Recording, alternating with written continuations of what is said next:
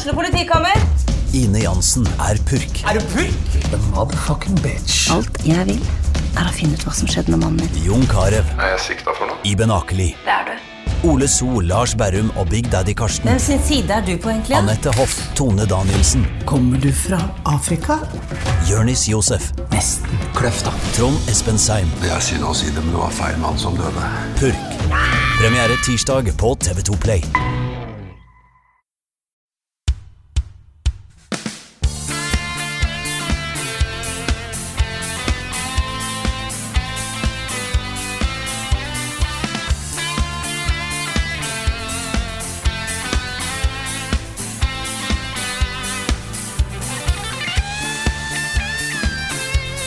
Og så, når han kom til bunnen av bakken, så datt han så lang han var.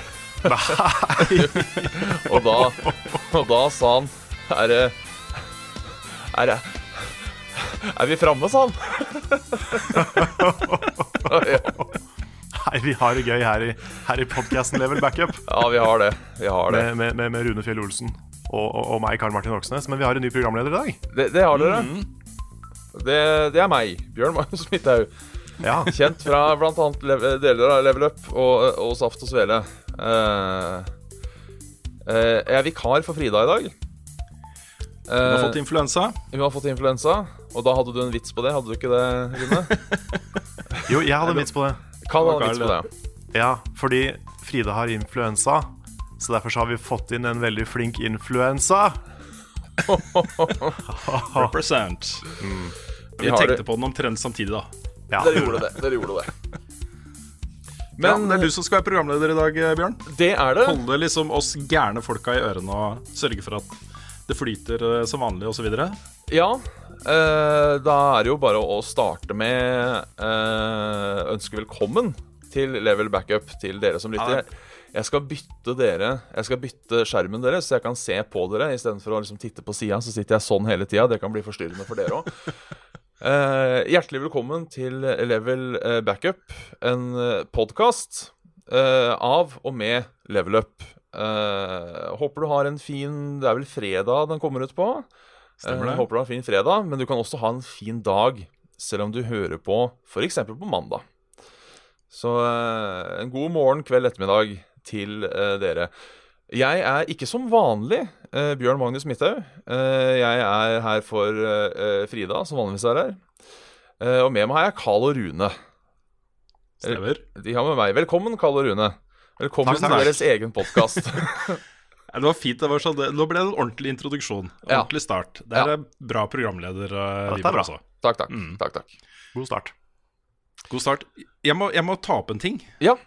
Fordi neste uke skal vi noe gøy. Ja, Vi skal uh, ned til Komplett og være med på den månedlige livestreamen deres.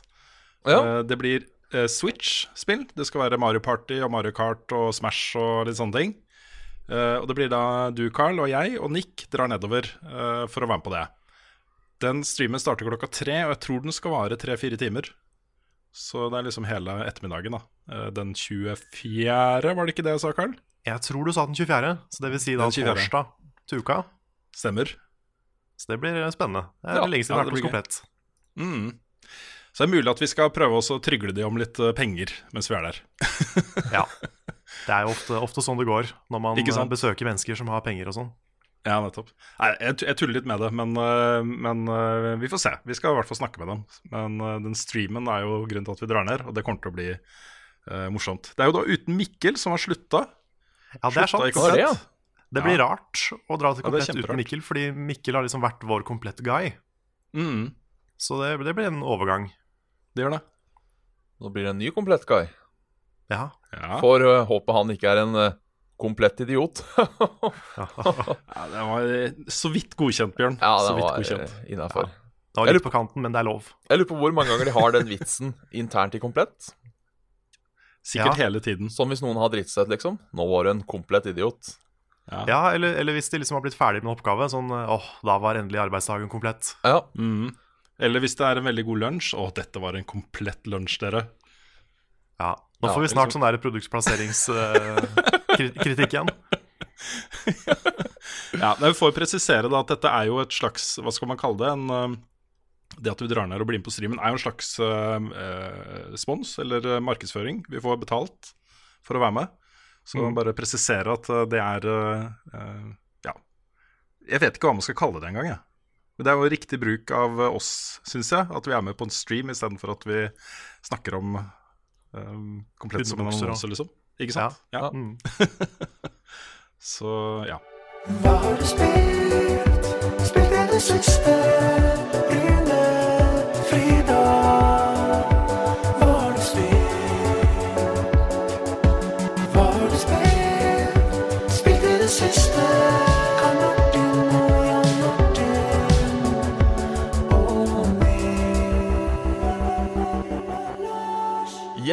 Da kan jeg jo eh, spørre folket hva har vi eh, spilt siden sist? Eh, eller i det siste, eventuelt, hvis dere har spilt noe som har strekt seg over lengre tid. Det er jo ikke alltid en uke er nok til å bli ferdig med noe. Eh, da, egentlig så kunne vi jo snakka om hele jula nå, Fordi eh, det er jo en stund siden vi har hatt den spalten her. Det var jo siste episode før jul. Ja, vi var, Men- vi var så vidt innom det i den 2019-spesialen. Ja, det stemmer det. Men jeg tror ikke vi snakka om alle spillene vi har spilt. Nei. Men jeg, kanskje vi skal begrense det til uka som har gått, sånn cirka i hvert fall. Ja. Det, det, kan vi gjøre. Jeg tenkte Da tar vi rekkefølgen. Jeg har dere på skjermen her. Da tenkte jeg Carl kunne starte. Ja. Jeg kan jo, kan jo prate om Det er ikke så mye jeg har spilt som er nytt, men jeg har spilt en del uh, Celeste. Ja. Og det er eh, det, det, det, det, er vanskelig. Men det er nok checkpoints til at ikke det gjør noe, på en måte. ja.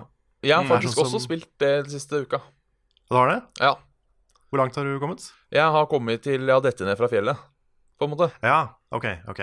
Ja, da er du ganske langt ute. i- Ja. For eh, jeg hadde, jeg hadde spilt uh, I fjor så spilte jeg det opp til det hotellet, og så datt jeg av det fordi jeg måtte anmelde noe annet. ja, ok. Men, uh, men nå har jeg runda det, da. Så nå er jeg liksom ferdig med det. Ja. Jeg, si, jeg har runda storyen, for det, er altså, det spillet tar ikke slutt hvis du skal ha 100 til det. Nei, er det, tar det slutt fordi du må samle masse dritt, eller er det ekstra brett og sånn? Eller? Nei, det er ekstra brett. Det er ekstra brett, ja. Så du har alle verdenene har en B-side, Mm. som er liksom ekstra vanskelig. Og så, når du klarer de, så er det også en C-side. Ja, ok. Så du har på en måte liksom Når du har spilt storyen, så har du spilt 33% av spillet. På en måte. Nice. Kommer det det, er ikke en gratis, eh, kommer det ikke en gratis delelse med nytt content også nå snart? Jo, det kommer noen sånne bonus eh, New Year's levels, hørte jeg. Mm.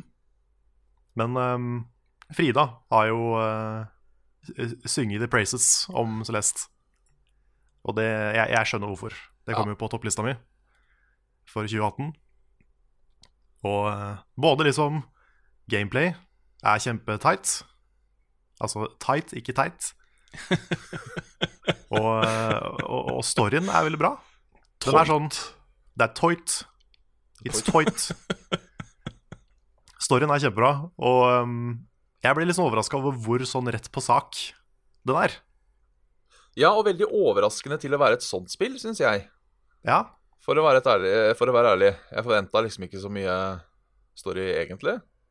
nei, for det er jo liksom Jeg forventa at den metaforen som er det fjellet, skulle Ja. komme inn. Men at det skulle være så direkte, det, det hadde Ja. jeg ikke sett for meg. Jeg forventa egentlig ikke det heller, jeg. Du ikke det? Jeg trodde det bare var sånn Nå skal du bestige det fjellet, her har du 100 rom du må gjennom for å klare det, på en måte. Og så Ja, okay. var, var det ikke noe mer enn det, på en måte. Så det var eh, Hmm. Ble overraska ved første dialogboks, at det var noe i det hele tatt. Ja. Eh, ja, jeg ser den. Liksom Jeg, jeg, begynte, å- jeg begynte å liksom merke tematikken når, når du får den der evil, evil Madeline som Ja. begynner å chase deg. Da begynte jeg liksom å skjønne hva, hva dette egentlig handler om. Ja. Men, men, men likevel, altså. Etter hvert, når, liksom det, når de tar det så direkte opp. ja. ja det var litt, litt, litt, litt kul måte å gjøre det på, egentlig. Ja, Jeg har, jeg ikke. Har ikke sett det lignende siden uh, Hva heter det ennå? Um, Condemned 2. Hvor okay. du bokstavelig talt slåss mot din egen alkoholisme. Jeg har på en måte ikke sett det Hvor det alkoholismen din er en fyr som du banker opp. Det er liksom, jeg, har ikke sett den, jeg har ikke sett den biten liksom bli tatt opp på en annen måte siden det, og det er jo år og dag siden. Så det var Så det tok, rett, det tok rett og slett en Supermann 3. Ja. Jeg har ikke sett Ja. Supermann 3, så eh, Nei, ok, det var, en, det var en veldig god sammenligning. Ja, OK. Ja. Jeg Vi får ta deg på ordet. Ja. Ja, Tviler ja nei, men, eh, men det er ofte sånn liksom når spill handler om noe, så er det ofte litt sånn indirekte, ikke sant? Mm. At de, de sier ikke rett ut hva det handler om. Det er mer sånn litt sånn synsing at hvis vi skal ha en historie om rasisme, så er det ofte sånn Da er det alverasisme. Ikke sant? Et eller annet sånt. Det er ikke sånn rasisme-rasisme, men det er liksom det er, det er mot alver eller mot androids, ikke sant. Men uh, Celeste er liksom depresjon. Nå skal vi snakke om det, Ja. rett ut. Og det er sånn, jeg syns det er litt, litt kult at de bare tar tak i det. Mm. Så um, Celeste er bra på veldig mange måter, syns Ja. jeg.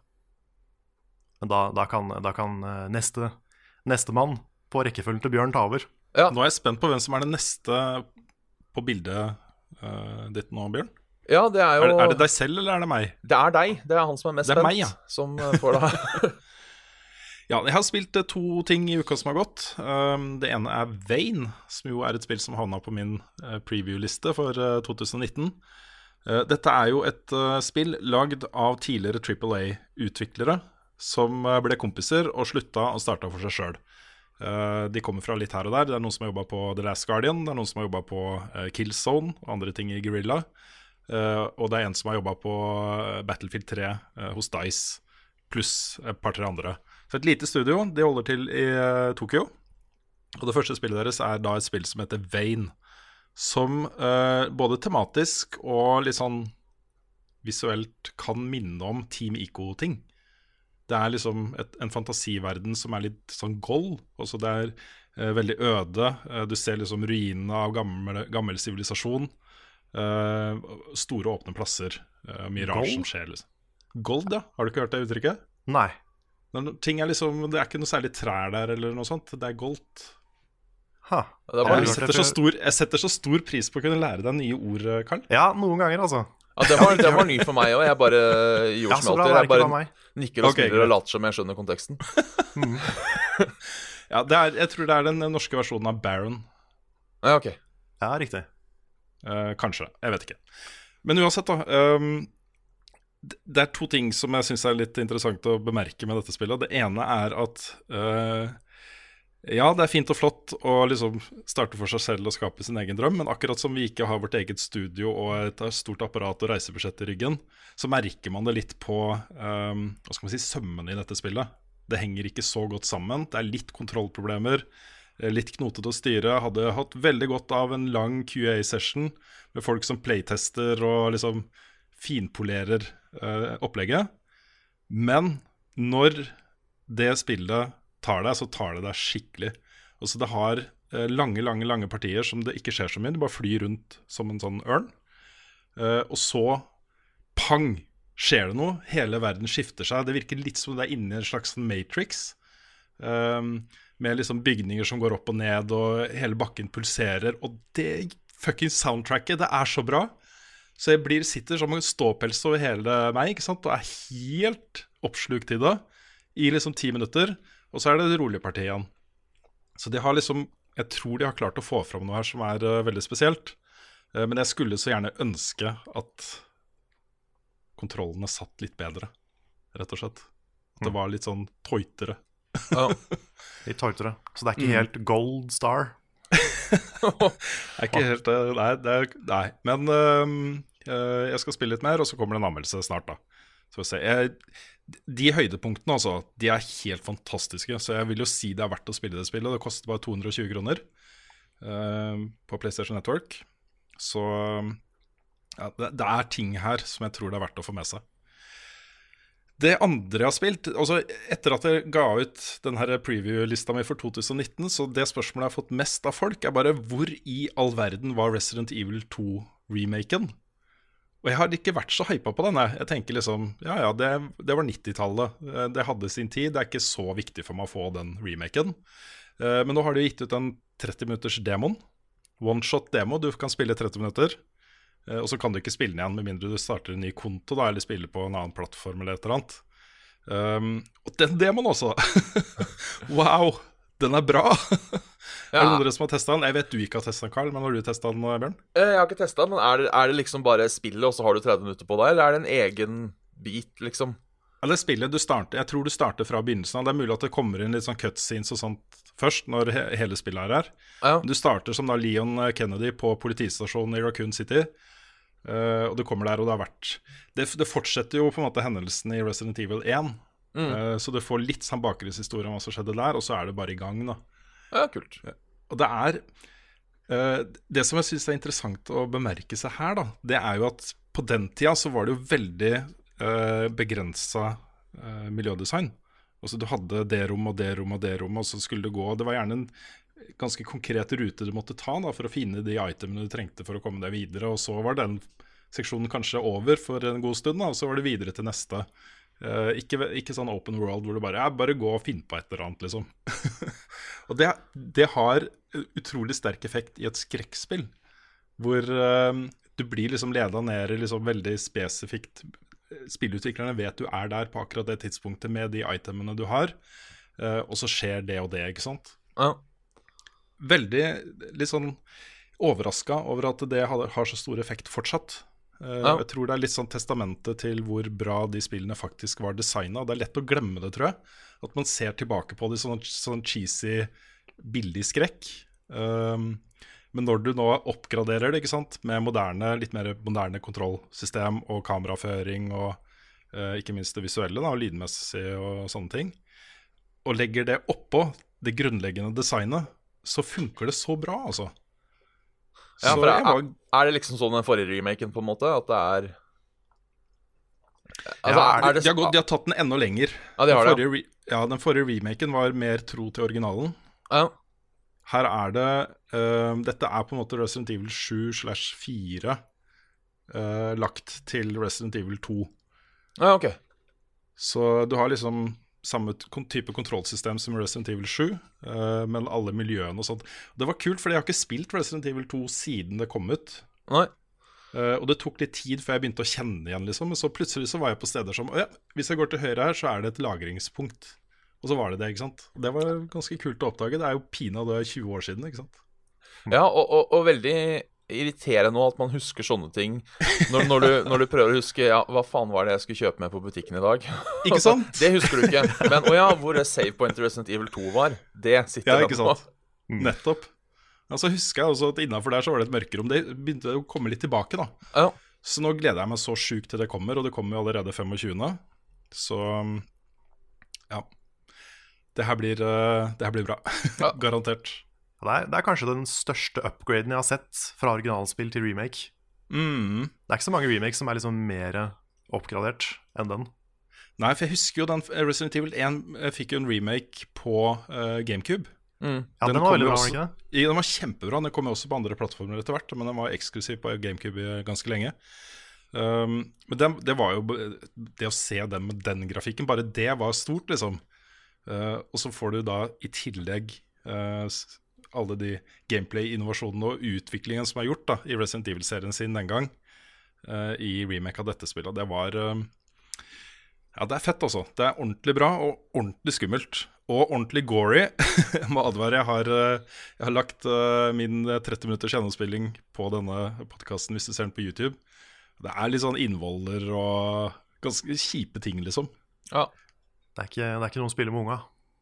Nei, jeg tror kanskje min favorittscene der Det blir veldig grafisk, da. Men min favorittscene var at du kommer bort da, til en eh, politimann som ligger død, med ansiktet vendt litt bort fra deg.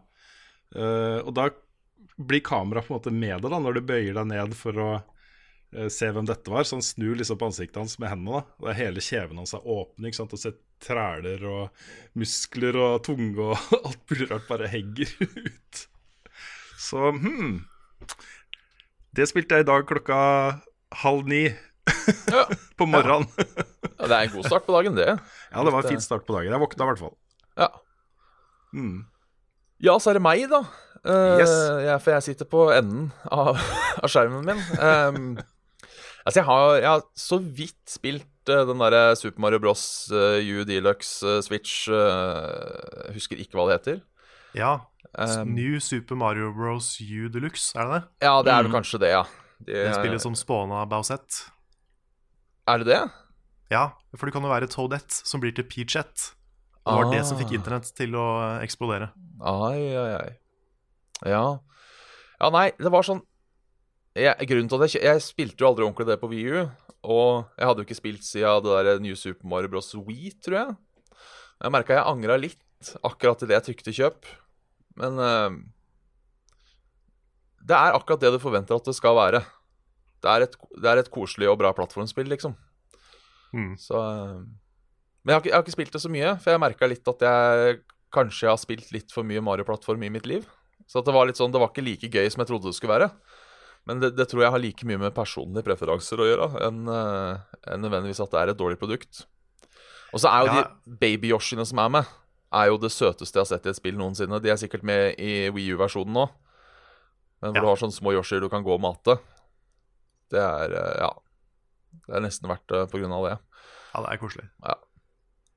Men jeg husker jeg likte det aller første New Super Mario Bros. Ja. på DS. Ja, det digga jeg. Det digga jeg òg. Men det på Wii og oppfølgeren på 3DS syns jeg ikke var så bra. Nei, jeg Men jeg likte mener husk at jeg likte dette her.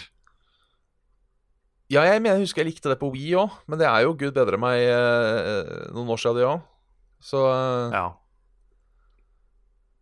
så jeg klarer liksom ikke å si hva er forskjellen, for det er så lang tid siden. Fordums tid. ja. Men nå har du sånn her kappe, sånn, sånn, sånn flyveekorn. Ja, nå kan det være flyveekorn. Det lurer på når de skal gå tom for dyr som kan fly, på Ja. en måte. Som, Men, det, kan... men de har allerede begynt på dyr som ikke kan fly. Sånn vaskebjørn og Ja, men den har jo hale, ikke sant, som man kan bruke som en sånn rotor. Ja.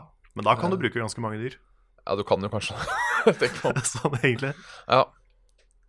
Jeg kunne tenke meg et Mario-spill der du skal svømme fort.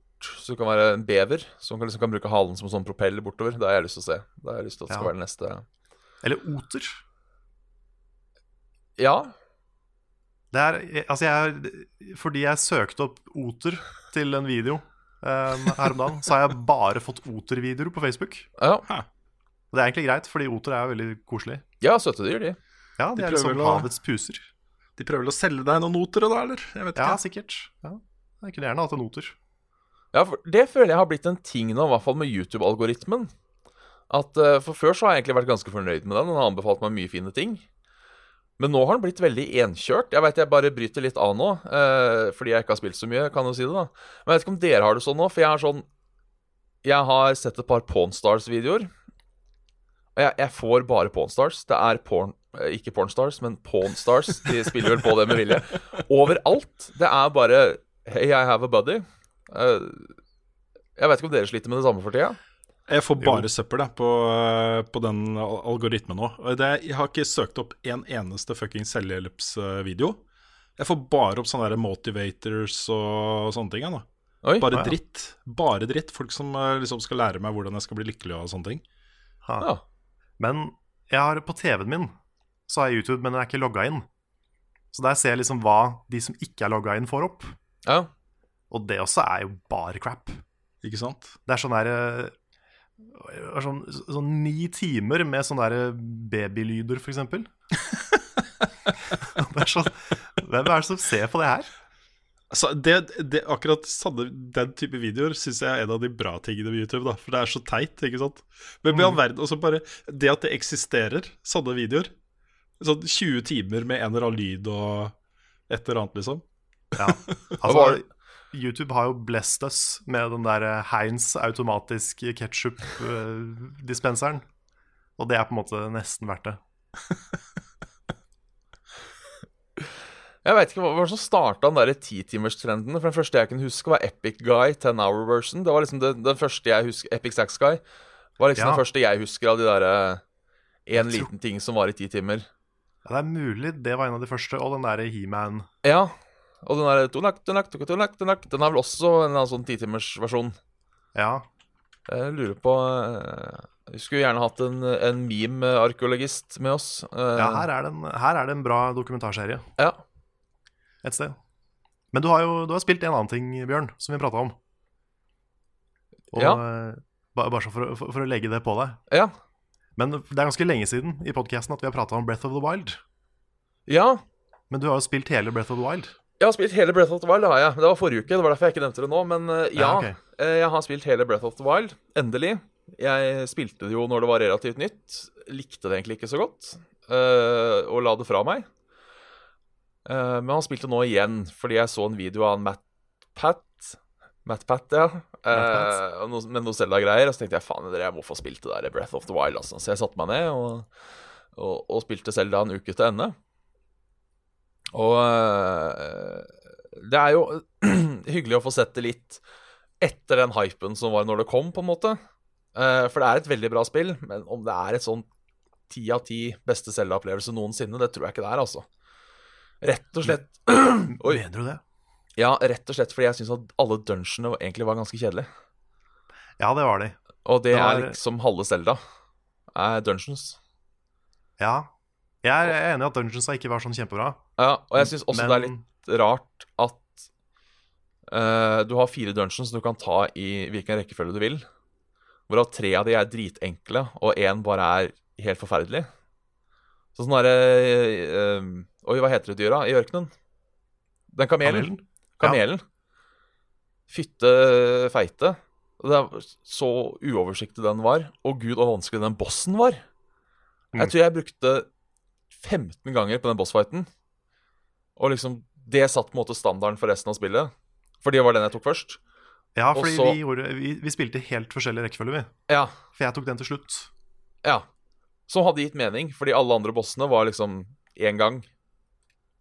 Jeg tror kanskje jeg døde én gang på en av de andre gangene, liksom. Så det var litt sånn Det ble litt sånn skuffende, liksom. Der syns jeg de feila litt på den open world-greia. At det ble liksom Vanskelighetsprogresjonen ble sånn bom, opp der, og så rum, rett ned. Hmm. Så Men det er jo, jeg, jeg tror jo meningen deres der var jo rett og slett at uh, hvis du da kommer til noe som er for vanskelig for deg, så kan du gå og gjøre noe annet og komme tilbake en annen gang. Ja, for det Jeg gjorde det jeg litt også faktisk på den bossen. Jeg prøvde det et par-tre ganger, og så bare vet du hva, det her går ikke. Og så tok jeg et annet shrine, og så Eller ikke annet shrine, men annen Hva, he, hva het den, da? Divine Beast heter det. Stemmer. Stemmer. Og så gikk jeg tilbake. Men ja, nei, men det var absolutt Jeg kosa meg veldig mye, altså. Og øh, anbefaler det øh, til alle som liker Zelda og spill generelt. Det er liksom ikke det. Men øh, og, så, blir det jo alltid sånn, da, når du spiller et spill som alle har praisa og gitt ti av ti, og du spiller det to år etterpå, på en måte, så blir man jo alltid litt skuffa. Ja. Kanskje. På en måte. Jeg veit ikke. Kanskje det er jeg som er et dårlig menneske. Jeg vet ikke. Men uh...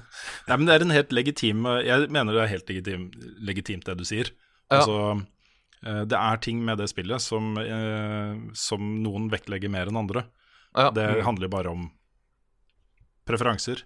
Jeg er litt der sjøl også. Det var et par sider med Breath of the Wild som jeg skulle ønske var annerledes. Ja.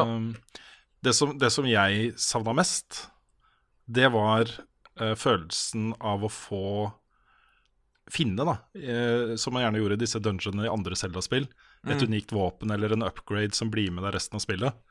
Um, den der bruk og kast, at ting blir ødelagt hele tiden, gjorde Ja. at jeg liksom I den type spill da, så er det viktig for meg, det å få et våpen som jeg kanskje har med meg helt til siste Og her hadde du ett, ett våpen, ikke sant, Ja. som var sånn. Um, skulle gjerne hatt mer av det, på en måte. Mm. Ja, for det er litt sånn skuffende. Du finner Master Sword, og så liksom blir det brukt opp. Ja, du, du, du charga det jo mens du hadde det med deg, liksom, men uh, Mm. det var liksom Og så syns jeg bare sånn For å nitpikke litt, da, hvis det er lov uh, Den der, Fordi en utrolig kul mekanikk, det der med at hvis det lyner og tordner, så kan du ikke bruke uh, stålsverd og sånne ting.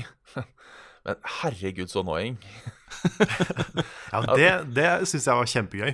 Ja, det var gøy, men det førte liksom til at I hvert fall etter hvert når man kommer litt langt i spillet og fikk bedre våpen, som jo da er 90 eh, stål, eller hva, hva enn det er, så var det sånn at hver gang det på en måte var torden, så gikk jeg som regel til en eller annen ranch, og så gikk jeg og lagde meg en kopp kaffe og gikk på do og litt sånne ting, og bare venta på en måte til uværet ble over.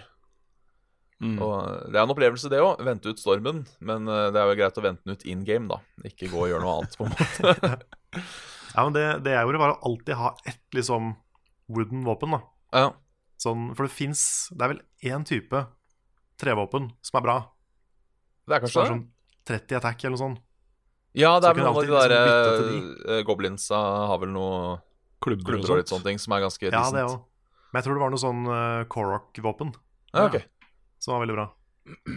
Men, uh, nei, men det som på en måte veide opp for meg, da hele Zelda, hele Breath of the Wild, det var måten de hadde gjort Open World på. Mm. Det at det var så åpent som det var. Fordi det er veldig mange Open World-spill som er ganske lineære også. Ja. Mens det her var liksom bare Vær så god, hele verden. have fun. Du kan spille Mm. storyen i hvilken rekkefølge du vil, nesten. Ja. Og du kan liksom Du kan gå hvor du vil. Det er ikke noe markers som viser deg hvor du skal. De kommer først etter at du har vært der. Mm. Og det er sånn Det var en åpen verden som ikke stressa meg. Mm. Fordi det var så mye å gjøre. Og det, det var, det var litt deilig. Det var veldig deilig å kunne gjøre hva du vil. Og jeg liker også det at du kan gå inn og banke GAN med en gang hvis du vil. Ja, ikke sant? Og hvis du kan det. Det er jo faktisk ganske kult. Det er det. Eh, Jeg, jeg, er jo, jeg er jo på eh, Team Carl her. Jeg mener jo også at dette er et ti av ti-spill. Men det, det er fordi også, Alt som hadde med story å gjøre, og sånne Divine Beasts, Ganon, alle de tingene, kommer i andre rekke for meg. da Det er alle de andre tingene som jeg opplevde i det spillet, som var viktige for meg. Um, Ja. Eksempel den der skogen som var helt mørk, og så måtte du uh, lyse opp disse lanternene som viste deg veien inn, og så kommer det helt innerst, og så er det en sånn trollboss Ja, og og der er. Master Sword. Nei, det er ikke Ja. den skogen, men den skogen også. Ja, Ja, det var det å finne Master Sword og, og sånt. Jeg tenker på den som var- Du kommer inn, og det er helt bekmørkt. Du ser Å, på den- kartet ja, også, og så er det bare helt mørkt i det området. Ja, stemmer. Og de labyrintene og det å eh, jakte på armor sets og sånne ting. Alle de tingene elska jeg. da Jeg syns det var eh, utrolig kos. Så jeg er enig med deg der, Karl. De gjør åpen verden veldig bra, altså. Kan jeg bare ta en liten eh, digresjon, eller en callback, til noe vi snakka om tidligere? Før vi Ja, videre? ja, ja. Så klart. Fordi vi snakka om disse ti timers videoene, eh, og da kom jeg på at eh, det fins jo da også en ti timers video av Nick Offerman som sitter og drikker whisky foran peisen. Så jeg bare anbefaler den. Det er egentlig 45 minutter da, som er eh, strekt ut, men han satt faktisk i 45 minutter og bare drakk whisky foran peisen. Det var en, som en sånn ting. Så, Ja. Ja, Det også var et sånn YouTube-fenomen. Sånn jeg setter meg ned og spiser noen bananer og sånn. ikke sant? Og det er det eneste jeg gjør. Han derre Visås gjorde en ekstremversjon av det som sånn der 1. aprilspøk. Hvor han leste primtall i fire timer. Det også står det respekt av. ja, det står det respekt av. Hvor han bare satt liksom og leste primtallrekka i fire timer. Ha. Det er også en bassist som heter Adam Neely. Uh, som har laga en video I'm practicing the same lick for five hours. Hvor han bare spiller i fem timer. Og du ser jo Det er så gøy å spole ut. Han sitter der og bare spiller ikke noe i ti sekunder, og så spiller det riffet ti ganger dritfort, og så bare Faktisk ganske morsomt. Det er sånn, På en måte så er det veldig gøy. Ja, På en annen måte så er det sånn Hvorfor legge arbeid inn i noe lenger? Ja, ikke sant? Ja. Nå, nå er jo han sånn educational eh, fyr, da, så han gjorde det liksom som en sånn læringsexercise for uh, hvordan er det liksom å øve på samme tingen. Nei, han spilte det var, Han skulle vel spille samme gre- 10 000 ganger, eller sånt, og så tok det fem timer. Altså, det blir jo på en måte samme, Ja, samme greiene. Men uh, Det eneste sånn jeg har gjort, er jo den der 'Fiskebolla lengter etter havet'-videoen min. Og det er på Ja, måte, Jeg syns det var ille nok. Det var 20 minutter. ja men det var, det, da ble jeg imponert. Ja. For at du holdt ut. Jeg tenker 'Fiskebolla lengter etter havet' 1000 vers. Det får bli 2020-prosjektet mitt. Ukens. Hva skal? Ukens anbefaling. Hva skal jeg finne på? Ukens anbefaling. Hva skal jeg finne på? Ukens anbefaling. Hva skal jeg finne på? Vi skal eh, videre i, i dagens eh, program. Uh, og det er jo gjerne sånn at uh, hvis du har litt manko på ting å gjøre, se på, høre på, så kan vi prøve å hjelpe deg der. Uh, så dette er da ukens anbefaling. Eh, den er det Carl som står for, om jeg skjønte riktig? Du har noe å anbefale. Det har jeg. Fordi eh, det har vært en event nå, ikke denne uka her, men forrige uke. Ja. Så var det 24 timer i døgnet hele uka. Speedruns. Awesome var, Games, done Don Quick. Awesome games done quick.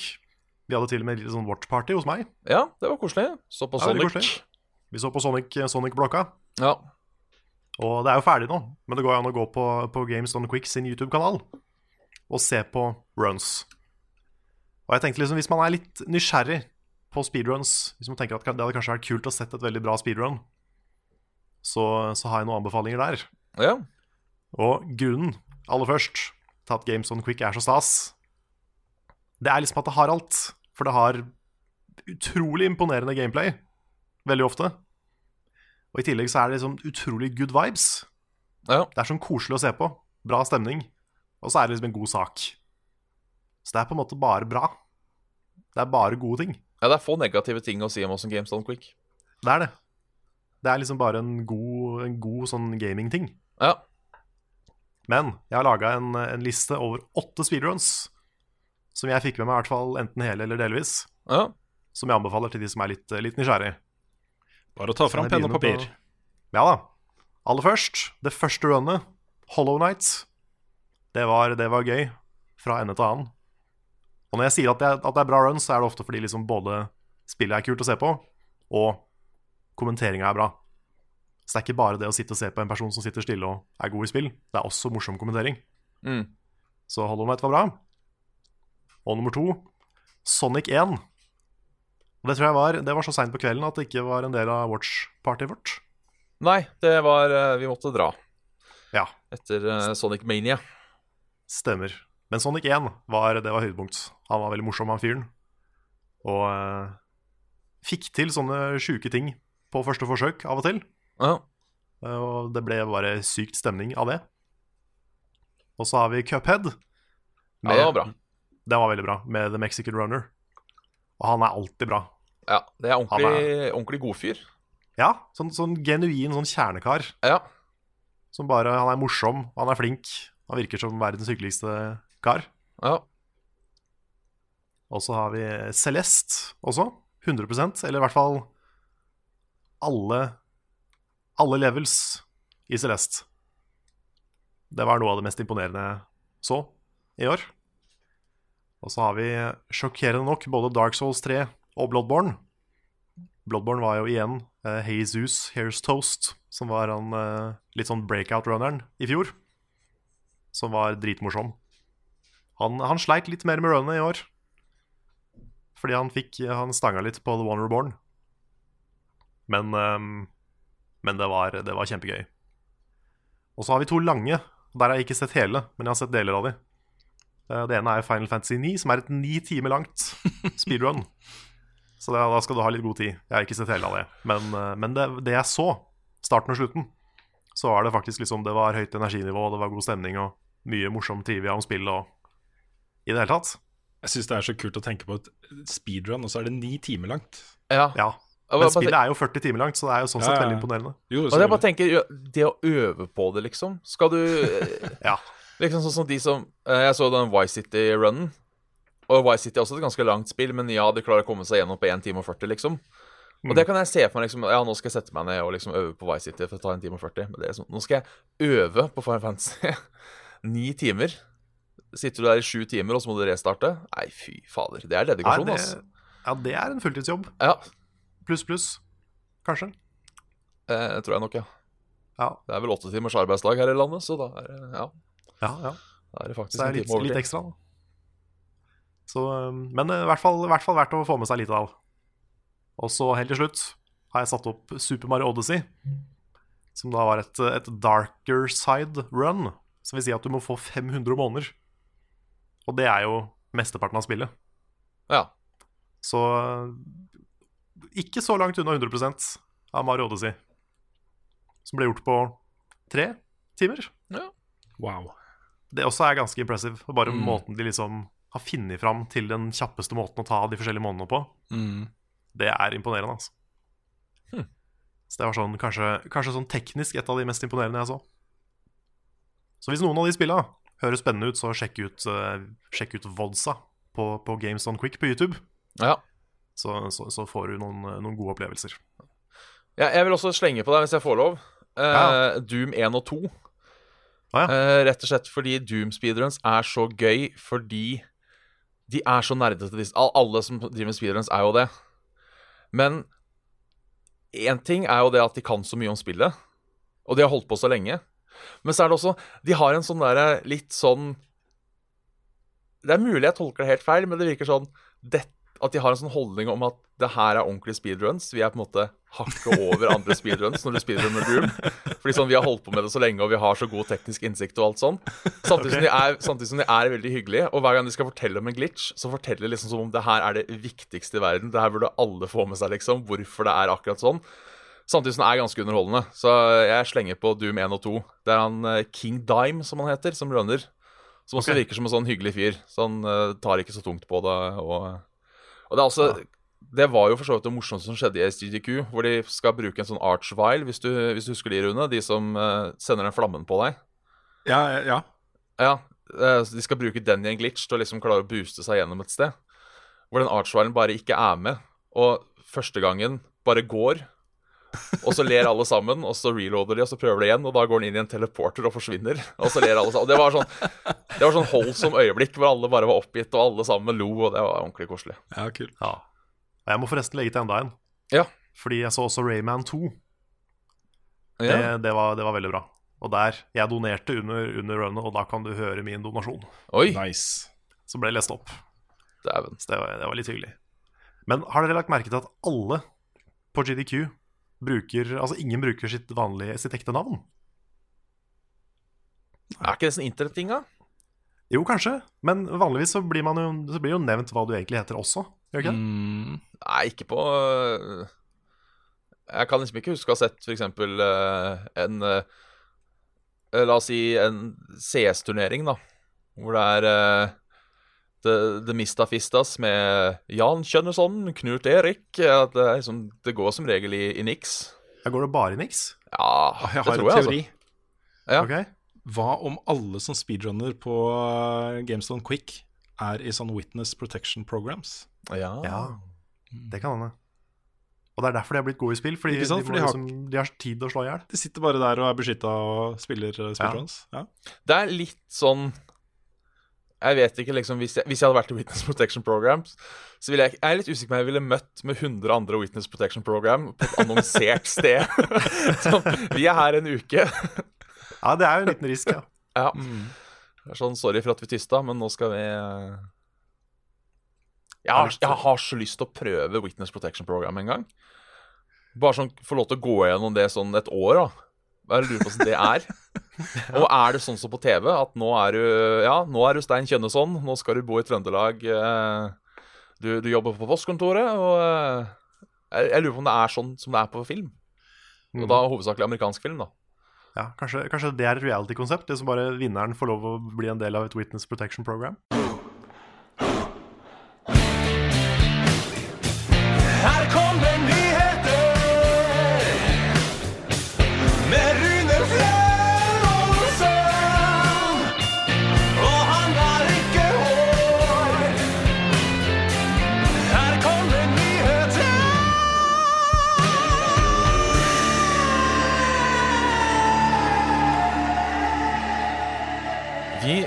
Ruller videre. Eh, eh, Årsak. Vi ruller videre her i eh, eh, Level Backup, og eh, nå skal vi til spalten eh, Nyheter. Eh, eller nyheter som eh, kan defineres som ting som har skjedd av viktighet. Eh, Ja, da er vi spente på hva, hva, hva du har funnet fram til, Bjørn. Av nyheter som har skjedd. Viktige nyheter som har skjedd i uka som har gått. Ja, nei, det har jo vært den der kidnappingssaken da, på Lørenskog. det... Nei, eh, jeg visste ikke at det var jeg som hadde ansvar der. Skal vi se, to sekunder. To, jo, men dette, det er- dette, fikser vi, vet du. Skal vi se Jeg har manuset klart der, Bjørn. Bare ta det med ro. Eurogamer.net. Skal vi se. Det viser seg at uh, Bloodball PC Fanatics are taking player run leagues to the extreme. Uh, rip their spinkly twiggly legs off. uh, eh, så, så det, det er eh, melderen Benjamin fra, fra All right. All right. Nei da. Eh, du hadde manus, hadde du det?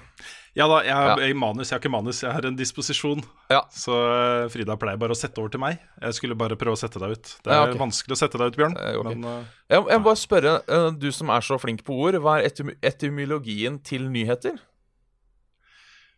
det vet jeg ikke. Nei. Ikke jeg heller. Jeg bare tenkte kanskje du visste. Nei. Men er godt spørsmål. Ja. ja. dette kommer jeg til å gå og tenke på resten av dagen. Jeg skal finne ut av det. Jeg, Kanskje- jeg vet det, men jeg velger å ikke si det. Ja, særlig, særlig, særlig. Mm. Greit. Vi får begynne med en skikkelig gladsak fra kontorene til Electronic fact-spalte. Ikke sant? Vi får begynne med en skikkelig gladsak fra kontorene til Electronic Arts. De har kansellert nok et Star Wars-spill. Nok Ja. et Star Wars-spill. Det er nesten Dette her- man kan begynne å tro at de har kansellert flere Star Wars-spill enn de har begynt på. Ja, det føles nesten sånn. Dette her er jo på en måte en forlengelse av det som skjedde med Visceral Games. uh, som jo hadde Amy Hennig, eh, tidligere regissør og uh, forfatter, eller manusforfatter, uh, på Uncharted, hadde jo styringa med et Star Wars-spill som skulle bli i gate med Uncharted. Da. Også et third person action adventure-spill i en åpen verden. Et stort Star Wars-spill. Det ble kansellert. Eh, hele prosjektet ble da flytta til EA Vancouver, som jo hadde også jobba litt på dette spillet, og gjort om til en sånn bounty hunter. Du skulle reise fra planet til planet og eh, løse oppdrag for forskjellige factions og sånne ting. Det spillet er nå kansellert fordi det tok for lang tid å lage det, og de trengte et Star Wars-spill tidligere enn det var ferdig. Så alle de som satt og jobba på det spillet, har nå flytta over på et annet Star Wars-prosjekt som det tar kortere tid å lage. Og det er jo um, Jeg vet ikke. Jeg føler litt av den derre single player are dead-greia har forfulgt EA en stund nå. At de famler litt i det landskapet som er spillmediet i dag. Hvor du ser svære singleplayerspill gjøre det kjempebra. Hvor du ser uh, spillerne omfavner hva skal man si, snille mikrotransaksjoner. da Ting som ikke er eh, for intrusive i spilleopplevelsen, og som eh, bare gir deg cosmetics og sånne ting. Eh, men hvor da må på en måte spillopplevelsen i seg selv være på plass. Du må ikke liksom legge til ting i spillopplevelsen eh, via mikrotransaksjoner for å tjene alle disse pengene. Og Det føles som om de henger etter nå. Altså. Det føles som om de ikke er helt med på eh, hvordan spillmediet fungerer i dag. At de er i ferd med å gjøre seg selv litt sånn obsolet. Jeg føler litt det samme er i ferd med å skje med Activision også.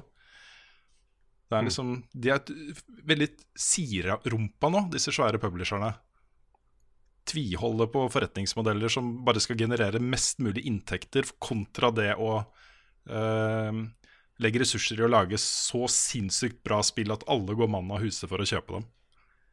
Ja, det er, det er kanskje litt det der problemet med at én svær ting tjener penger, og så skal alle de andre gjøre det, men innen da så er det en annen ting som tjener penger. Ikke sant?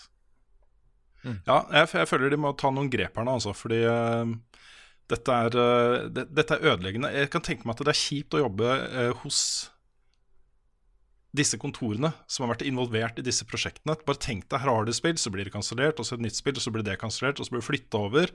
Og så slutter sjefene, både Amy Hendig og Jade Raymond har jo slutta i EA nå. Ehm, som hadde ansvaret da for hver sin svære Star Wars-ting, blant annet. Ehm, det er ganske kjipt arbeidsmiljø, tror jeg. Ja, jeg tror også det å jobbe på sånne mikrotransaksjons-heavy spill kan være ganske sånn sjeleknusende. Sånn, Tror jeg også det. hvis, hvis du sitter og jobber med et system og tenker at dette her blir kult, og så kommer en sjef og sier at eh, ja, dette er veldig bra, men, eh, men ta så gjør det mye kjipere, og så legge inn sånn at du kan betale for å slippe det. Åh, Douglas Coupland har jo skrevet en bok som heter oh, Hva heter den igjen, da? Husker ikke, men den, den foregår på en måte på innsiden av EA. Men eh, før, da. Og så i den perioden hvor de ble skikkelig svære på, eh, på litt sånne soul-sucking-prosjekter. Ting som solgte utrolig mye, men det å jobbe på dem var ganske kjipt. Eh, og i den perioden så ble jo liksom EA kåret til, kåret til USAs Et av USAs verste steder å jobbe flere år på rad. Eh, veldig dårlig omdømme i USA. Eh, og den boka foregår jo da på kontoret til et lite team som sitter og jobber med et av disse spillene. ikke sant? Jeg føler den fortsatt er relevant også. Det er litt dårlig gjort, kanskje, fordi jeg lager masse bra ting også. Eh, ikke minst er jeg spent på Anthem, selv om jeg er skeptisk, skeptisk nå. Og Dice har lagd mye bra greier også. Så det er ikke sånn at de ikke lager noen bra spill i det hele tatt. Men det er et eller annet med kulturen der som jeg ikke er Ja, det skurrer litt, da. Delvis relatert, da kan man jo kanskje si. Kan jo ta det i form av et spørsmål vi har fått fra Jakob eh, Bakkvold. eh, Som er nå som Bungie har gått fra, eh, gått fra Activision, hvordan tror dere Destiny vil utvikle seg i fremtiden? Og det som har skjedd der i uka som gikk, var jo at Activision og Bungie eh, bestemte seg for å gå hvert i sitt. Ja. Bungie, Bungie får beholde Destiny-merkevaren. Activision skal nå gjøre andre ting. Fokusere på egne spill og en del sånne ting. Da. Det, det føles som en sånn skilsmisse. Det føles som en skilsmisse, og det her er, har sikkert pågått over en stund. Uh, men jeg føler at uh, Eller opplevde i hvert fall det uh, som om det som skjedde i fjor høst med lanseringen av Forsaken, hvor Activision gikk ut og sa at nei, dette er ikke bra nok. Dette selger jo ikke noe bra. Ikke fornøyd i det hele tatt. Det er altfor få av de gamle Destiny-spillerne som kommer tilbake for å spille dette her. Skjerp dere, Bungie. Og Bungie gikk ut og sa jo, vi er superhappy. Alle som spiller Forsaken, elsker det. Dette er liksom her Nå, nå er Destiny en hobby for folk igjen, liksom, med meningsfulle ting å gjøre. Uh, det er dette vi har lyst til å gjøre. Og så kom da den, denne nyheten nå i uka som gikk. Så, men det er ikke gitt, da. At, fordi fansen er jo superhappy. Uh, men det er ikke gitt at det blir At nå blir Destiny bra igjen, liksom. Der kom det en katt inn på bildet til Bjørn. Katten til Bjørn. Right on cue. Yes. Nei, fordi det som uh, Bungie eh, har jo lagd Forsaken. Det er jo det store, bra teamet til Bungie som har jobba med det. Alt som har kommet etterpå, er det jo Activision som har hjulpet til med. Via deres studioer eh, High Moon og Vicarious Visions. Det er de som har lagd liksom, nytt innhold, og det er de som fortsatt uh, har lagd innhold som skal komme i løpet av det første året. Så um, hva som skjer med Destiny nå fra uke til uke etter at de tingene er ferdig til høsten, det er det ingen som vet. Så det er ikke gitt at uh, det her blir bra. Men det jeg håper skjer, er at de bare lanserer en greie som skal leve over mange mange år, istedenfor at det kommer liksom Destiny 1, 2, 3, 4, 5, og så må man begynne på nytt hver gang. ikke sant? Men at de lanserer en grunnpakke som inneholder alt som Destiny har, har hatt til nå, pluss det er masse nytt, og så bygger de bare videre på det. Og så kan du beholde gear fra year one og alt mulig rart så lenge du gidder. Det er sånn jeg tenker at det spillet må være. Ja, De burde jo også bare patche inn alt det kule fra Destiny 1, tenker jeg. Så Ja, får du hele de Destiny i én pakke. De burde det, og de har en mulighet til det her. Og dette her blir jo bare sånn der 'jeg vil ha', og det finnes jo tusen sånne meninger uh, om eh, alt mulig rart, liksom. Uh, men nå i Forsaken så introduserte de Ascendant uh, Plane. Og så Den har jo vært med før, men ikke i så stor grad. da Taken King var det jo mye Ascendant Plane. Eh, men du kunne jo lagd hele of Glass i Ascendant Plane. Og så Du kunne gjort et eller annet ut av det. ikke sant? At det ser litt annerledes ut. Det er akkurat samme layout og alle samme bossene, men kanskje i Taken-versjonen og sånne ting. Uh, ja. Nytt, men eh, gammelt. Jeg vet ikke. Jeg syns det er gode nyheter. Det er liksom, jeg, jeg håper at de lykkes med det. Så en litt morsom nyhetssak. jeg har ikke tenkt å si så mye om den, men jeg bare syns tittelen her er bare genial. Eh, The Pinkertons Pinkertons saksøker Rockstar. Ja. Ja, Pinkertons, Det er- det er er. Pinkertons er fortsatt et sånn security agency. Um, det eksisterer den dag i dag. Svært selskap. De føler da at de burde hatt en del av royalty-inntektene fra det Og det er det, da. Vi har ikke lest saken. Jeg, bare, jeg trodde det var fordi de blir omtalt negativt, jeg. Nei, det er litt derfor også, tror jeg, men det er mer en sånn derre Jeg vet ikke. Jeg, jeg, jeg, kan jo, jeg kan jo se at de har et slags poeng, det er i og med at de fortsatt eksisterer som Pinkertons, liksom. Ja. Ja. sånn og mye over 100 år etterpå, gjør Mm. at liksom OK, de, f- du får skikkelig hard medfart i dette spillet her. Det er liksom Ja, omdømme og sånne ting eh, kanskje får en knekk, da. Jeg vet ikke. Men uh, det kan bli en interessant rettssak å følge, altså. Pinkertons, altså. Eh, Steam har kommet med sin eh, Eller Valve har kommet med sin årlige Steam-årsrapport. Eh, og der kom det fram at det har kommet 9464 nye spill i 2018 på Steam. Ja. 9464 pluss 4896 DLC-pakker. Riktig. Så nesten 10 000, da. Det er en tredel av alle spill som er på Steam. Ja. Det er jo ikke en god ting. Nei, det er ikke en god ting. Men de har da 90 millioner månedlige brukere og 47 millioner som er innom hver dag. Så um, ja. Ja, det er mye crap. Der Der er det mye crap, Ja, jeg, jeg merker Jeg husker jo når, når Uplay kom, for eksempel, og Origin, så var jeg veldig sånn derre Uff, kom igjen, da. Men jeg er så glad for det nå. At Steam får litt konkurranse. At det ikke blir en sånn Walmart innenfor spill som bare peiser på med dritt og kan gjøre akkurat hva de vil. Mm. Det tror jeg er uh... Ja, hvis, du, hvis du bare browser på Steam nå, Ja. så Det er er bare det piss. Ja, det er på nivå med AppStore, liksom. Ja, jeg får lyst til å slutte å spille spill jeg, når jeg browser uh, nyutgivelse på Steam. Bare jeg er så glad i jobben min, og så går du på Steam, og så fuck, jeg slutter. ja, det føles nesten sånn noen ganger. Altså. Ja, det er helt uh, Ja. Nei, og jeg er så lei av å Ja, å få opp at Jeg får så mye recommendations som bare ikke er sånne derre hentai 3D-pusler. Mm, Ja, men det er det, Altså, jeg skal ikke dømme noen. Nei, nei, altså man skal gjerne få lov til å spille det, men altså, holdt på å si, lag i hvert fall en sånn liten algoritme da, som sier denne personen er ikke interessert i, i sånt. For jeg har fått med seg at jeg er glad i skytespill. Det har de. Så de har liksom tre skytespill som går på rundgang. Nå, har- nå har du sett disse spillene en million ganger. Sikker på at du ikke har lyst til å prøve det nå. Ja, Eh, ikke sant? Så der kan Nei, du lære Men- litt. Ja, men det er noe med det der liksom når, når du har en liste over liksom most popular on Steam, Ja. og så er det liksom tre hentai-spill der Ja. Det ser ikke bra ut på en shop, altså. Nei, Det er jo fordi du har gått inn i innstillingen og sagt at ikke har noe mot å se seksuelt innhold, da, Carl. Nei, det har jeg ikke gjort. Eh, Den er ikke på per- default. Det er, ikke, det er kanskje ikke hentai-spill, men det er sånn der sexy spill. Ja, det er fordi jeg fikk opp en eh, Jeg har fått opp flere ganger, tror jeg. En sånn uh, uh, ting jeg må uh, hake av når jeg logger meg inn på Steam. Om jeg er interessert i eh, spill med voldelig innhold og seksuelt innhold og bla, bla, bla. Jeg trykka jo ja på alt. Jeg vil jo ikke at, jeg vil jo ikke at Steam skal sensurere bort noe for meg. Nei, jeg kan ikke huske at jeg har gjort det. Jeg òg kan huske det, så det er mulig jeg har fått det en eller annen gang.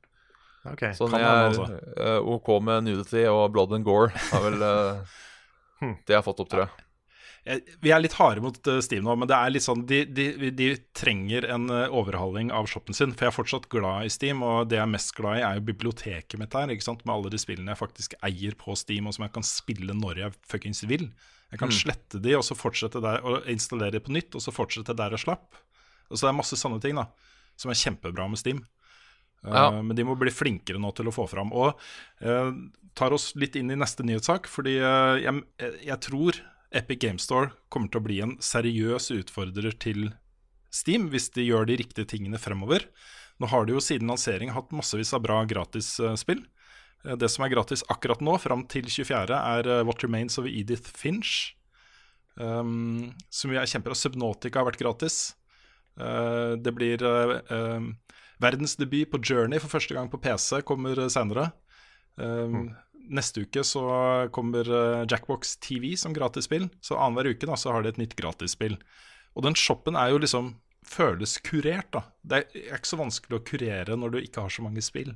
Men Nei. den måten de viser de fram på, gjør at du føler her sitter det et menneske bak som har valgt spill som skal være der, på en måte. Så ja. Det er en bra shop i hvert fall. Anbefaler den. Ja. Par-tre kjappe nye saker til. Rocket League er nå cross-platform. Du kan spille med hvem du vil på hvilken plattform du vil. Og etter hvert så vil det også være mulig å sette opp lag på tvers av plattformer.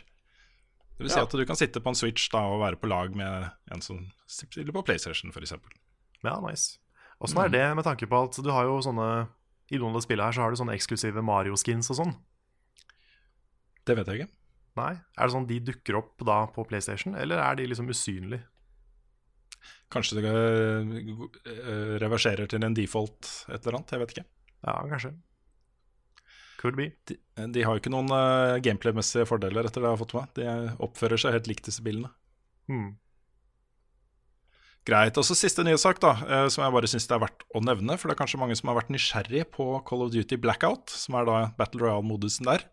Den er nå gratis å teste fram til torsdag 24.1. Du kan logge deg på nå, laste ned en gratis versjon av Blackout og spille det nesten en hel uke, da. Ja. Så det er, eh, tror jeg kanskje det er mange som kunne tenkt seg. Kommer Rune sin standup på DVD, eller? Jeg selger et guttenavn? Hva er det vesle karet sitt? Hvilket språk snakker Frida egentlig? Hvorfor er Mario rørlege? I eventyret 'Presten og klokkeren' svarte klokkeren så godt på spørsmål at han ble selv ordinert prest. Om vi er like flinke og blir ordinert prest etter denne runden, det spørs og, spørs å ses, men vi skal gjøre så godt vi kan, i hvert fall. For det er tid for spørsmål og svar. Ja! Ja, Fin intro. takk. Det er bra jobba så langt, altså, Bjørn. Ja, jeg syns ja, det. synes det ja. Men også Skulle mye nesten tro press. du hadde din egen podkast, si. Ja, skulle nesten tro det. Skulle nesten tro han gikk eh, live på YouTube hver torsdag klokka 20.00 på kanalen Saft og Svele. Hva, hva vet jeg? Det er Ah, eh, jeg må bare, kan bare trekke fram også Du har jo eh, vært eh, innledninga på uh, podkastfestivalen. Hadde Ja. du. Uh, Svendsen kunne ikke komme, så egentlig skulle du sitte aleine. Du har også hatt eh, podkasten aleine noen ganger. Ja. Hvordan får du til det? Jeg vet ikke. Det er bare Det er jo bare å snakke. Finn en Ja. eller annen Altså, tingen er Du er, du er flink til det. Ja, Ja, ikke sant? altså det, det er på en måte Det som er min eh, Hva skal man si eh, Både min eh, Hva heter den, da? Last og ikke last, holdt på å si. Det er det at jeg er Det er en sånn Man er kjemperedd for å drite seg ut. Og derfor klarer jeg på en måte alltid å redde meg inn. Så jeg har liksom alltid klart å snakke for meg når jeg må. Men jeg klarer jo ikke for eksempel å skrive noe morsomt for fem øre. Det får jeg jo ikke til. Det er sånn, det går ikke. Jeg har prøvd mange ganger. Liksom, nå skal jeg sette meg ned og skal jeg skrive, prøve å skrive en standup-bit. Og det, det, det går ikke. Det er sånn Nei. Ja, det blir, det blir helt ræva. Så jeg tror det bare er en sånn naturlig forsvarsmekanisme av en, en eller annen greie. At jeg på en måte, nå må jeg bare, så da, da funker det. Hmm. Så eh, det er bare å rable, egentlig. Ikke sant? Rabling funker. Ja, Rabling. Impro, Du er god på det. Ja. Mm. Jeg må også nevne da for, eh, for eventuelt eh, nye lyttere, holdt jeg på å si. Dere to er jo sammen hver lørdag på kanalen vår, Level Up Norge på YouTube, Ja, med kosekveld. Ja, Som det er er et sant. gammelt konsept som mange har savna, og som mange elsker fortsatt. Ja, ja, det var en eh, mange år seinere reboot, altså. Ja, ikke sant? Det var vel sånn fire- fire-fem år eh, fra gamle kosekveld til nye. ja. Det var litt artig, det- da. det Og var liksom Å revive det. Ja, Mm. Det er en liten sånn hiatus nå, fordi vi, må, vi trenger litt tid til å lage noen nye episoder. Ja, Men, eh, men det kommer snart tilbake på, på kanalen. absolutt. Skal vi ta noen spørsmål? Det kan Yes. vi. Jeg, jeg tenkte å begynne med et par spørsmål relatert til uh, selskapet vårt og, uh, og sånt. Ok? Uh, et fra Truls Nordby, som lurer på hvordan det går med bedriften vår. Hva tenker dere fram mot det nye året? Og det er jo Jeg jeg stiller det fordi folk lurer, ikke sant? Mm. Folk lurer. Det er ikke så mye nytt å melde. Vi er fortsatt optimistiske, men det ser fortsatt litt mørkt ut. Er ikke det riktig beskrivelse? Jo, vi, vi venter på ting og håper at de går i boks. Ja, Og de tinga, hvis de går i boks, er veldig spennende. ikke sant? Så vi, vi må ha mer inntekter, og sånn har det vært eh, i tre år. Eller hvis ikke tre år, for vi hadde sluttpakker i starten. Det var jo nydelig. Ja, det Eh. første, første året gikk veldig bra. Ja, for da kunne vi også sette av litt penger, som vi har brent litt av uh, litt og litt da, etterpå. Um, men eh, siste året har det jo vært uh, trangt økonomisk. Så Ja. vi må ha mer inntekter. Men vi er fortsatt optimistiske. Jeg er fortsatt optimistisk, i hvert fall en del av meg er optimistisk og tenker at det kommer til å gå bra. Ja. Det er liksom, det er ting som, som surrer rundt oss, som, som Mm. liksom kan ende opp med noe veldig veldig svært og kult. Ikke sant? Og det, så lenge vi har det, så, så er jeg også optimistisk. Det er akkurat det. Uh, delvis relatert spørsmål fra Erik Nyberg Skilnan, uh, som er mester på puns, bare så dere vet det. Han er i min Destiny-crew. Ok? han skriver Hei, folkens. Uh, jeg savner studio dere hadde i bakgrunnen i de tidligere sesongene av Level Up. Kanskje dere kunne hatt noe humoristisk, dramatisk, spillrelatert eller annet på en green screen bak dere i noen tilfeller? Tipper Level Up Community bidrar som alltid. Og det er et uh, dårlig spørsmål, Erik. Fordi selv et green screen-studio krever jo plass og lyssetting og sånne ting. Og vi sitter jo hjemme hos oss selv og lager innhold. Så man må på en måte ominnrede Ja, altså leiligheten vår. du får gjort mye med, med en green screen, litt bra lys. Uh, så det er, det er mulig å gjøre det, men det Det må ofte være veldig bra for at det skal funke. Ikke sant? Så- Ja, for det, det blir litt sånn fattig hvis man eh, har sånn halvveis green screen-løsning. Ja, det, det ser bedre ut å sitte foran en, en spillhylle enn å ha en shabby green screen. Ikke sant? ja det gjør det. Så, eh, hvis, jeg også- skal, hvis jeg skal få lov til å være igjen, da, så klart. Men den biten av spørsmålet til Erik som jeg syns var bra, og det er jo på en måte den biten som vi er enig i. Vi skulle svært gjerne hatt et studio. Mm. Altså Det er- står nesten øverst på ønskelista vår. Rett under litt bedre lønn. er et ordentlig, altså et studio. Det trenger ikke å være superproft engang, men hvor det bare er hvor lyset er montert, og det er en green screen der, eventuelt noe bra eh, bakgrunn og kule kulisser, liksom. Mm. Um, det, det er vårt ønske numero uno. Så Det er jo en av de tingene vi håper vi kan få til da i 2019. Så et dårlig, men allikevel ganske bra spørsmål, Erik. All right. Mm. Hadde du flere spørsmål, eller skal jeg ta et nytt et? Nei, jeg kan ta et, eh, et her. Litt også fordi vi har eh, Bjørn med oss i dag. Så er det et spørsmål fra Simen Meisdal, som spør hva håper dere Elderscroll 6 gjør bedre enn Skyrim? Ja, jeg er jo av den derre Åh, må jeg gå gjennom den her igjen. Altså, jeg håper Jeg syns jo på en måte der Bethesda har laga spill som har vært gjør hva du vil, så har det på en måte gått mer og mer inn til gjør som vi vil at du skal gjøre. Eh, jeg savner jo Altså, det, det jeg savner, er jo ekstremt det derre Alle tinga du kunne levele i Morrowind. Det er på en måte det jeg eh, At det liksom du hadde Nå har du bare two-hand weapon, liksom, mens før så hadde du long blade, short blade, two-handed blade Du hadde liksom alt mulig kunne du velge å fokusere på. Så jeg håper litt mer der. Jeg håper også litt at de har gått litt tilbake Det har de aldri gjort så mye ellers, da, men de var flinke til det i, i Fallout 3. Det med å ha litt mer dialogvalg og sånne ting.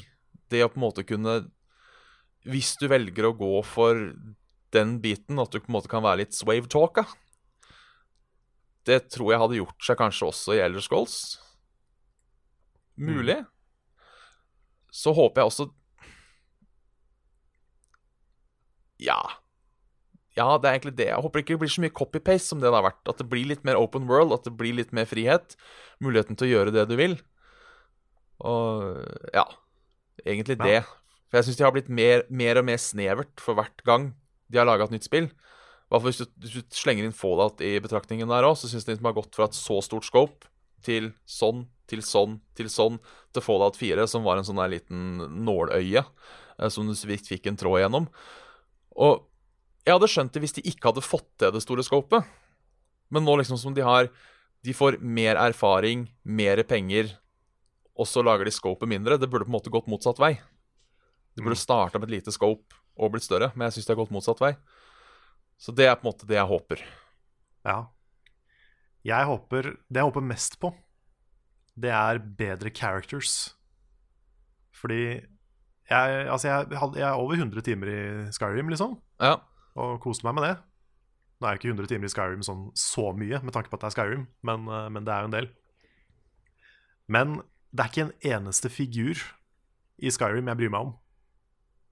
De er bare sånne De står rett opp og ned, og så flapper de litt med munnene sine, og så prater de. Og det er exposition. Og det er ingenting som gjør at jeg blir glad i noen av de figurene. Nei. Så, så jeg håper på det. Jeg håper at vi får noen gode characters. Det er kanskje på toppen av lista mi. Kan jeg ta en liten digresjon? Ja. En av mine alltime favoritt-memes.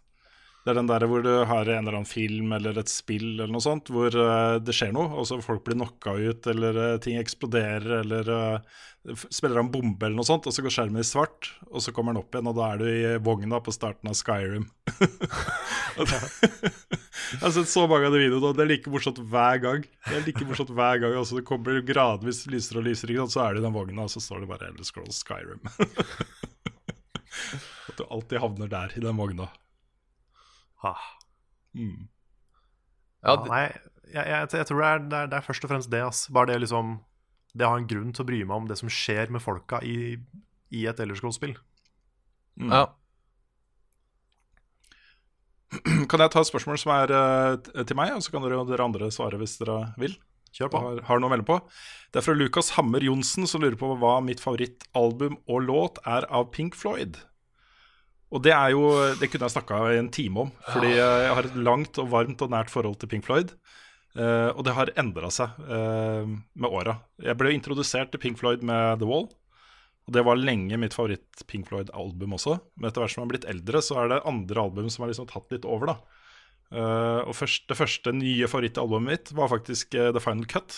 I den perioden så var jeg veldig glad i Roger Waters. Og senere så har det vært alt fra Altså hele diskografien, egentlig, mer eller mindre. Men uh, stabilt, siste 15 åra ca. Dark Side of the Moon. Mitt favoritt-Pink Floyd-album. Ja. Og min favorittlåt er også derfra. Den heter Time. Ja, jeg, jeg tror jeg må si, for jeg Ja, det var kanskje The Wall som fikk meg ordentlig inn i Pink Floyd. Eh, og på en måte jeg, jeg føler Dark Side of the Moon er jo det beste albumet deres. på en måte altså, Det er på en måte sånn Du kommer ikke bort fra det. Men jeg tror min personlige favoritt er Wish You Were Here. Den er helt nydelig. Den er, Er, min eh, nummer to, da. ja. Veldig tett nummer to. Så tror jeg faktisk jeg skal si at min favoritt Pink Floyd-låt er High Hopes. Og det er rett og slett mye pga. den stilgitarsoloen på, på slutten der, som er Mm. kanskje noe av det beste jeg har hørt.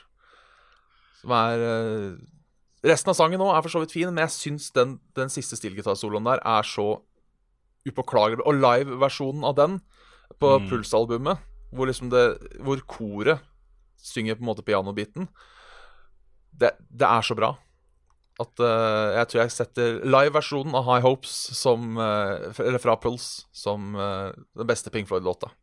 Det er nesten et sånn filosofisk spørsmål. Vet du. Pink Floyd med og uten Roger Waters. Ja, jeg, Hva er det man liker best? jeg vil nok si med, fordi Ja, da får du si det. For da får du på en måte Jeg føler at det som gjør at mange band funker, er at du har den sammenstillinga av folk som alle kaster Mm. litt inn sitt. Og Ikke du sant? mister jo en del med Roger Waters. Ja, han, du mister det skarpheten, ikke sant? Ja, og mye av låtskrivinga. Ikke sant? Jeg, jeg føler liksom at David Gilmore begynte å skrive låter fordi Roger Waters slutta, på en måte. Bare Ja, fordi han «Å, å, måtte.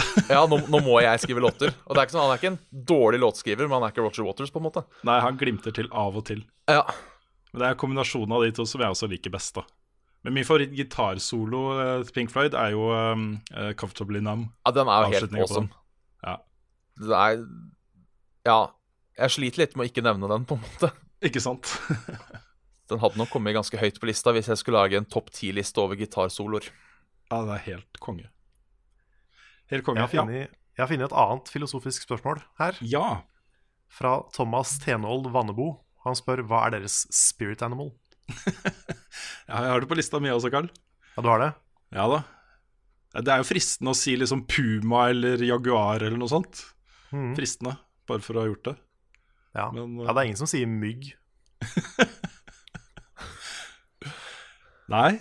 Um, jeg har alltid ha- hatt veldig sansen for dovendyr. Ja. De bare henger der, liksom. Chiller. Men jeg vet ikke om det, jeg, jeg føler ikke at det er så veldig relevant heller. Så mye som jeg jobber, liksom. Men, uh, men uh, kanskje min default-modus er å bare ligge i sofaen. Ja, jeg tenker mitt kanskje er som navnet mitt, at det er en bjørn. At jeg kan kanskje framstå som stor og farlig, men egentlig så vil jeg bare gå rundt og subbe og spise bær. Og så går jeg og legger meg et halvt år. At det liksom er At jeg, jeg har det fett med det. Mm. Ja. Er det, er det lov å si liksom et spesifikt dyr? Ja. Så, altså sånn For jeg, jeg har litt lyst til å si Nassenøff. At Nassenøff er mitt spirit animal. Ja, ja. Så det er, det er kanskje det.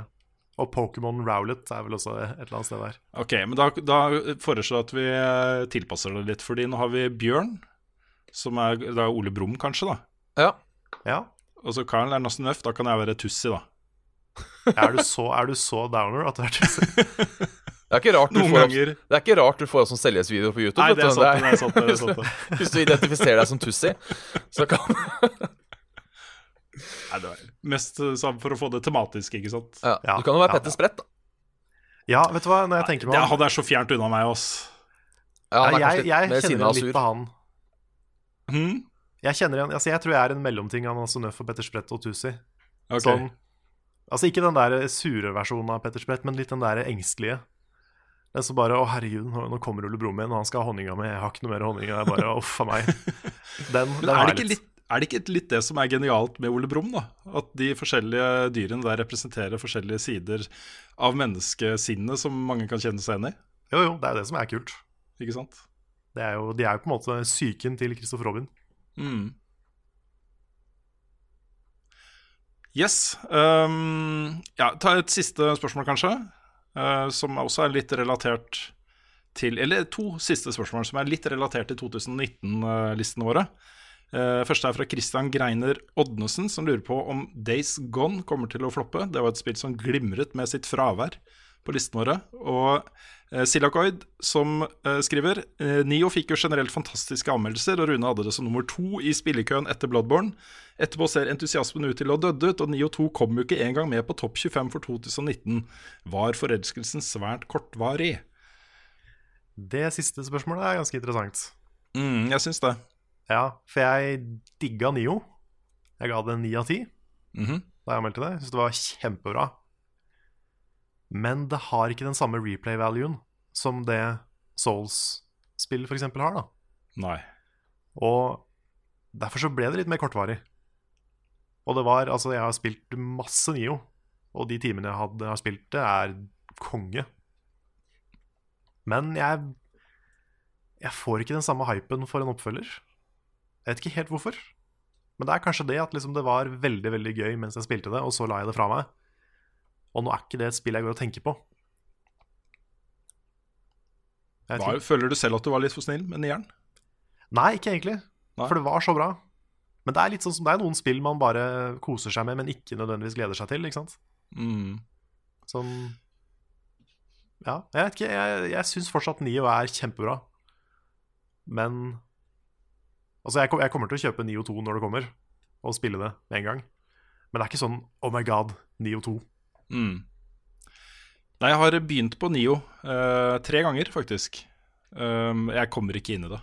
Jeg, jeg vet ikke. Jeg, jeg tror det er en dårlig idé å spille det rett etter Dark Souls 3, f.eks. Uh, eller Ja, det, er en, det er en litt annen filosofi.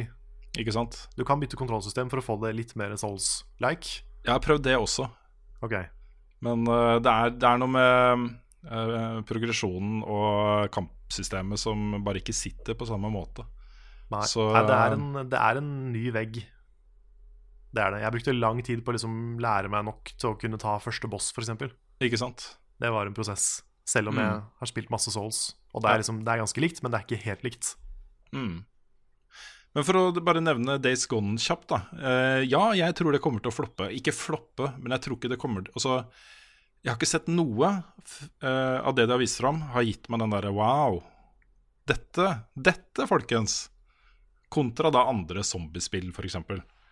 Mm. Jeg, jeg fikk litt den der tekniske wow Ja, av å se den der horden av zombier.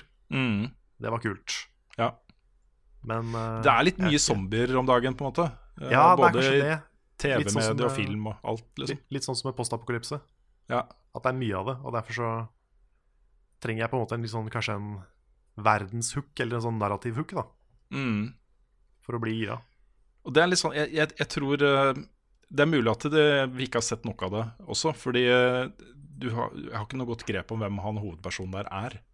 Og så får ikke noe eh, relasjon til han i det hele tatt, fra, ut fra det som er vist til nå. da. Og det er kanskje det, den største grunnen til at jeg ikke føler noe særlig for det spillet. At det, Mm. Han bare ser ut som en dude, liksom. Det, hvorfor skal vi bry oss om han? Ja, det er, dette er veldig slemt å si, og jeg mener ikke egentlig. Men det er sånn bitte, bitte lite glimt som minner meg litt om hovedpersonen i Right to Hell Retribution. Ok, det var slemt! Ja, det var slemt. Altså det, er, det, er ikke, det er ikke kritikk av spillet i det hele tatt, men det er liksom bare det at den assosiasjonen ligger der. Mm. Jeg vet ikke. Det, um... det er fordi det som er utfordringen da når man skal lage eh, særlig et zombiespill, eller spill som eh, er godt kjent fra andres både spill og andre medier fra før, det er at man kan ikke begynne med zombiene. Man må begynne med menneskene, og så må man lage en opplevelse eh, basert på hvem de er. Fordi eh, man har sett zombier gjøre crazy ting så mange ganger før, ikke sant? Eh, hva heter filmen? Eh, Apocalypse Nei, hva heter den med Brad Pitt? Den zombiefilmen. Ja, Wars, World War C. Ja, World War C. De scenene hvor zombiene liksom stormer muren. Mm. Og så de bare sånne, sånne scener har vi sett så mange av, liksom. Ehm, men da vil jeg, hvis ikke jeg bryr meg om Brad Pitt, da, liksom, så kan det se så tøft ut du bare vil. ikke sant? Da blir det litt tomt. Fantastisk god bok, forresten, hvis dere ikke har lest den. Det har jeg hørt. Eh, har oh, det kommer et, like mye kommer et med Ja. Sorry. Bare fortsett. Nei, jeg skal bare si det har omtrent like mye med boka å gjøre som uh, kaffe har med fiskekaker. Så det er liksom Det er kun navnet som er likt, omtrent. Mm. Så ikke, Det ikke, la, ikke, ikke la filmen på en måte holde deg vekk fra å lese boka. Nei, Nei, ikke sant? Det er nesten rart at ikke de bytta navn på filmen. Ja. Eh, Det kommer en ny TV-serie nå. Jeg husker ikke hva den heter i farta, men basert på en bok, bokserie som jeg har lest, som er dritbra. Uh, uh, liksom blanding av vampyr og zombie. Pokkeren også. Jeg må prøve å huske hva det heter. Jeg skal google litt mens dere snakker om andre ting. Hvis dere har noe annet å si, da. Ja, nei, jeg, jeg var egentlig ferdig. Altså, jeg, jeg er veldig spent på Days Gone. Sånn hvis det, hvis det kommer Det kan godt hende det kommer ut og bare får helt amazing reviews, liksom. Og hvis det skjer, så skal jeg jo spille det med en gang. Men jeg er ikke, jeg er ikke solgt ennå. Må jeg innrømme. Nei. Jeg mener at jeg ikke helt har fått det med meg, så øh, jeg sitter litt begjæret her og sier at øh, ja, bra, sier jeg. Ja. Jeg gleder, gleder meg hvis det blir bra. Ja, jeg er litt der, jeg òg. Men jeg gruer meg ordentlig hvis det blir dårlig. Ja. Gruer deg til å ikke spille det. Ja, det blir Ja. helt forferdelig. Mm. Kan svare veldig kjapt på spørsmålet til eh, Magnus eh, Fyen. Det står Fyen, ikke sant? Ja. ja. Han spør hva må til for at dere kan gjennomføre flere liveshow i 2019? Og det er vel først og fremst at vi blir invitert? ja. Er det ikke det? Ja, Vi har snakka litt om eh, mulig sånn eh, norgesturné og sånt, og det kan jo hende at det fortsatt eh, skjer. Men uh, hvis noen inviterer oss og kan betale oss, så kommer vi gjerne. Vi skal jo faktisk til Bergen nå ganske snart. I jeg tror det er februar, under uh, det store LAM-partyet der borte. Ja, riktig. Så da blir det jo mulighet til å komme og se oss der. Absolutt. Finner du noe, noe på Google? Nei da, jeg, jeg gjør ikke det, vet du. Så eh, jeg kanskje nevner det igjen neste uke. Ja. En føljetong der, altså. Hvilken, hvilken, hvilken serie er det Rune gleder seg til? Følg med i neste episode av Level Backup.